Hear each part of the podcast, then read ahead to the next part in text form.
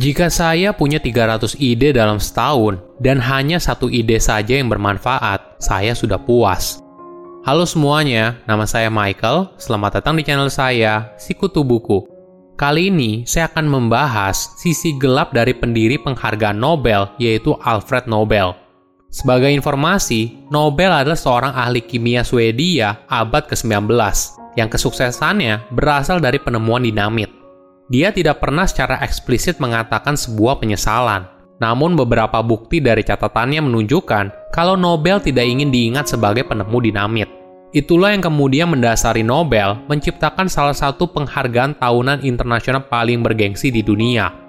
Sebelum kita mulai, buat kalian yang mau support channel ini agar terus berkarya, caranya gampang banget. Kalian cukup klik subscribe dan nyalakan loncengnya. Dukungan kalian membantu banget supaya kita bisa rutin posting dan bersama-sama belajar di channel ini.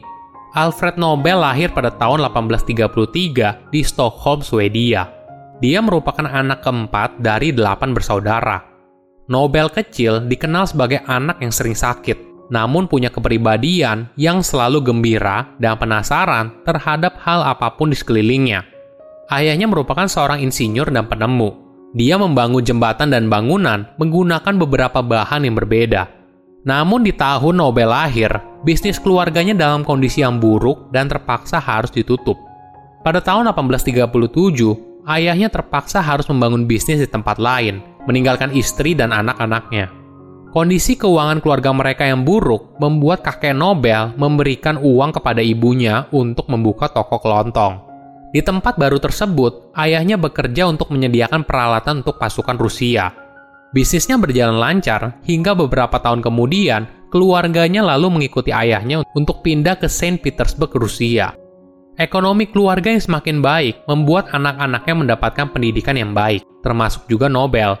Dia mendapatkan guru private yang membantunya untuk belajar banyak hal, mulai dari kimia, bahasa, hingga literatur. Pada usianya ke-16 tahun, Nobel ingin jadi penulis. Setelah menguasai bahasa Inggris, dia lalu menjadi fans berat dari pertunjukan Shakespeare dan mulai menulis puisi. Ayahnya menghargai pentingnya literatur, namun tidak ingin anaknya berkecimpung di bidang tersebut. Dia lalu menawarkan kepada Nobel sebuah kesempatan untuk berkeliling Amerika dan Eropa jika Nobel berjanji untuk meninggalkan mimpinya dalam menjadi penulis dan fokus membantu bisnis keluarga. Nobel pun setuju dan fokus belajar soal bisnis keluarganya. Padahal pada umur 17 tahun, Nobel sudah menjadi poligot yang bisa menguasai lima bahasa, yaitu Rusia, Perancis, Inggris, Jerman, dan bahasa ibunya, yaitu Swedia. Di Paris, Nobel bekerja di laboratorium pribadi Profesor T.J. Pelosa, seorang ahli kimia terkenal. Dia juga bertemu dengan seorang ahli kimia muda dari Italia bernama Ascanio Sobrero. Tiga tahun sebelumnya, Sobrero telah menemukan nitrogliserin, cairan yang sangat mudah meledak dan dianggap terlalu berbahaya. Namun, Nobel menjadi sangat tertarik dengan nitrogliserin dan cara penggunaannya dalam pekerjaan konstruksi.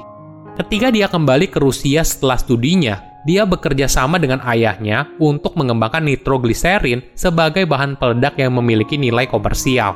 Namun pada tahun 1859, beberapa tahun setelah perang berakhir, maka kebutuhan untuk peralatan perang juga berkurang sehingga bisnis ayahnya bangkrut. Mereka sekeluarga pun terpaksa harus kembali ke negara asalnya yaitu Swedia pada tahun 1863. Di sana, Nobel memusatkan perhatiannya untuk mengembangkan nitrogliserin sebagai bahan peledak. Sayangnya, eksperimen ini mengakibatkan kecelakaan yang menewaskan beberapa orang, termasuk adik Nobel sendiri bernama Emil. Pemerintah Swedia lalu memutuskan untuk melarang eksperimen ini di dalam batas kota Stockholm. Tragedi ini tidak mematahkan semangat Nobel untuk terus bereksperimen dalam menciptakan bahan peledak yang aman. Bahkan dia sampai memindahkan eksperimennya ke perahu di tengah danau Malaren. Tiga tahun kemudian, pada tahun 1867, Nobel tanpa sengaja berhasil menciptakan sebuah penemuan yang membuatnya terkenal. Kunci sukses Nobel berada pada kejeniusannya dan didukung kerja keras yang luar biasa. Dorongan ini berasal dari pengalaman pahit masa lalunya yang miskin. Sebagai gambaran, walaupun Nobel tidak memiliki tubuh yang kuat, namun dia bekerja 18 jam sehari untuk melakukan ratusan eksperimen. Inilah yang membawanya pada kesuksesan dan kekayaan yang luar biasa. Selama hampir seribu tahun, bubuk mesiu merupakan bahan peledak premium di dunia. Bubuk mesiu diminati karena sifatnya stabil dan aman, bahan yang ideal untuk amunisi. Tetapi setelah revolusi industri pada abad ke-19, aktivitas seperti pertambangan membutuhkan daya ledak yang jauh lebih besar. Lalu, pada tahun 1847, terobosan datang dengan pengembangan nitrogliserin, senyawa yang sangat kuat namun sangat berbahaya. Bagian yang berbahaya adalah ketidakstabilan senyawa tersebut yang memberinya kekuatan tetapi bisa menyebabkan kecelakaan yang mematikan. Tantangan bagi para penemu saat itu adalah mengawinkan kekuatan nitrogliserin dengan stabilitas bubuk mesiu. Nobel merupakan orang yang berhasil menciptakan penemuan tersebut. Dia lalu menyebutnya sebagai dinamit, dari bahasa Yunani dynamis yang berarti kekuatan. Penemuan ini langsung membawa kekayaan dan pengakuan yang luar biasa. Sementara orang lain mungkin telah berpuas diri, Nobel terus menyempurnakan penemuannya agar lebih efektif. Pada tahun 1875, Nobel berhasil membuat improvisasi sehingga membuatnya lebih tahan air dan bahkan lebih kuat daripada formulasi dinamit aslinya. Inilah yang membuat nama Nobel semakin besar. Di satu sisi, dia menghasilkan kekayaan yang luar biasa, tapi di sisi lain, Nobel bahkan dijuluki pedagang yang membawa kematian atas penemuannya. Niat utamanya dalam menciptakan dinamit adalah untuk menghasilkan perdamaian dunia dengan cepat namun tidak semua orang melihat hal tersebut dari kacamata yang sama. Pada tahun 1888, saudara laki-laki Nobel bernama Ludwig meninggal saat berada di Perancis. Sebuah surat kabar Perancis keliru menerbitkan obituari dari Nobel, bukan Ludwig, dan mengutuk Nobel atas penemuan dinamitnya.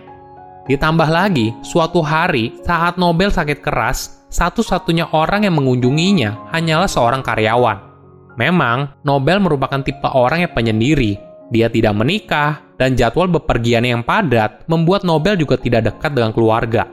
Beberapa kejadian ini lalu membuat Nobel melakukan refleksi tentang dirinya dan bagaimana dia ingin dikenang saat tutup usia. Pemberitaan buruk dari surat kabar Perancis juga menyadarkan Nobel tentang bagaimana persepsi masyarakat atas penemuannya, dan kecewa jika nanti ketika meninggal dia hanya diingat dalam persepsi yang negatif. Nobel pun lalu mengambil langkah yang drastis. Dia menyisihkan sebagian besar harta miliknya untuk mendirikan penghargaan Nobel dalam menghormati pria dan wanita atas pencapaian luar biasa mereka dalam bidang fisika, kimia, kedokteran, sastra, dan usaha menuju perdamaian. Ketika dia meninggal pada tahun 1896, Nobel meninggalkan dana dalam wasiatnya untuk menciptakan penghargaan Nobel yang pertama kali diberikan pada tahun 1901.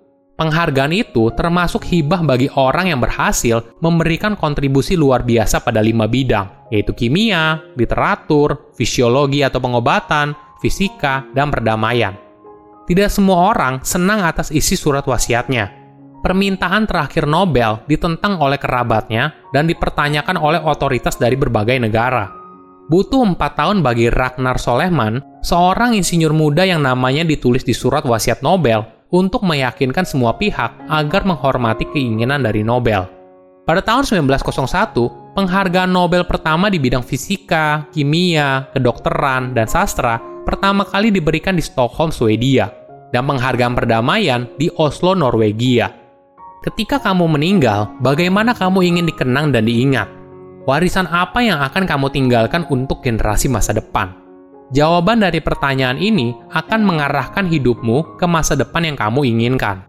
Silahkan komen di kolom komentar pelajaran apa yang kalian dapat ketika tahu informasi ini. Selain itu, komen juga mau tahu informasi apa lagi yang saya review di video berikutnya. Saya undur diri, jangan lupa subscribe channel YouTube Sikutu Buku. Bye bye.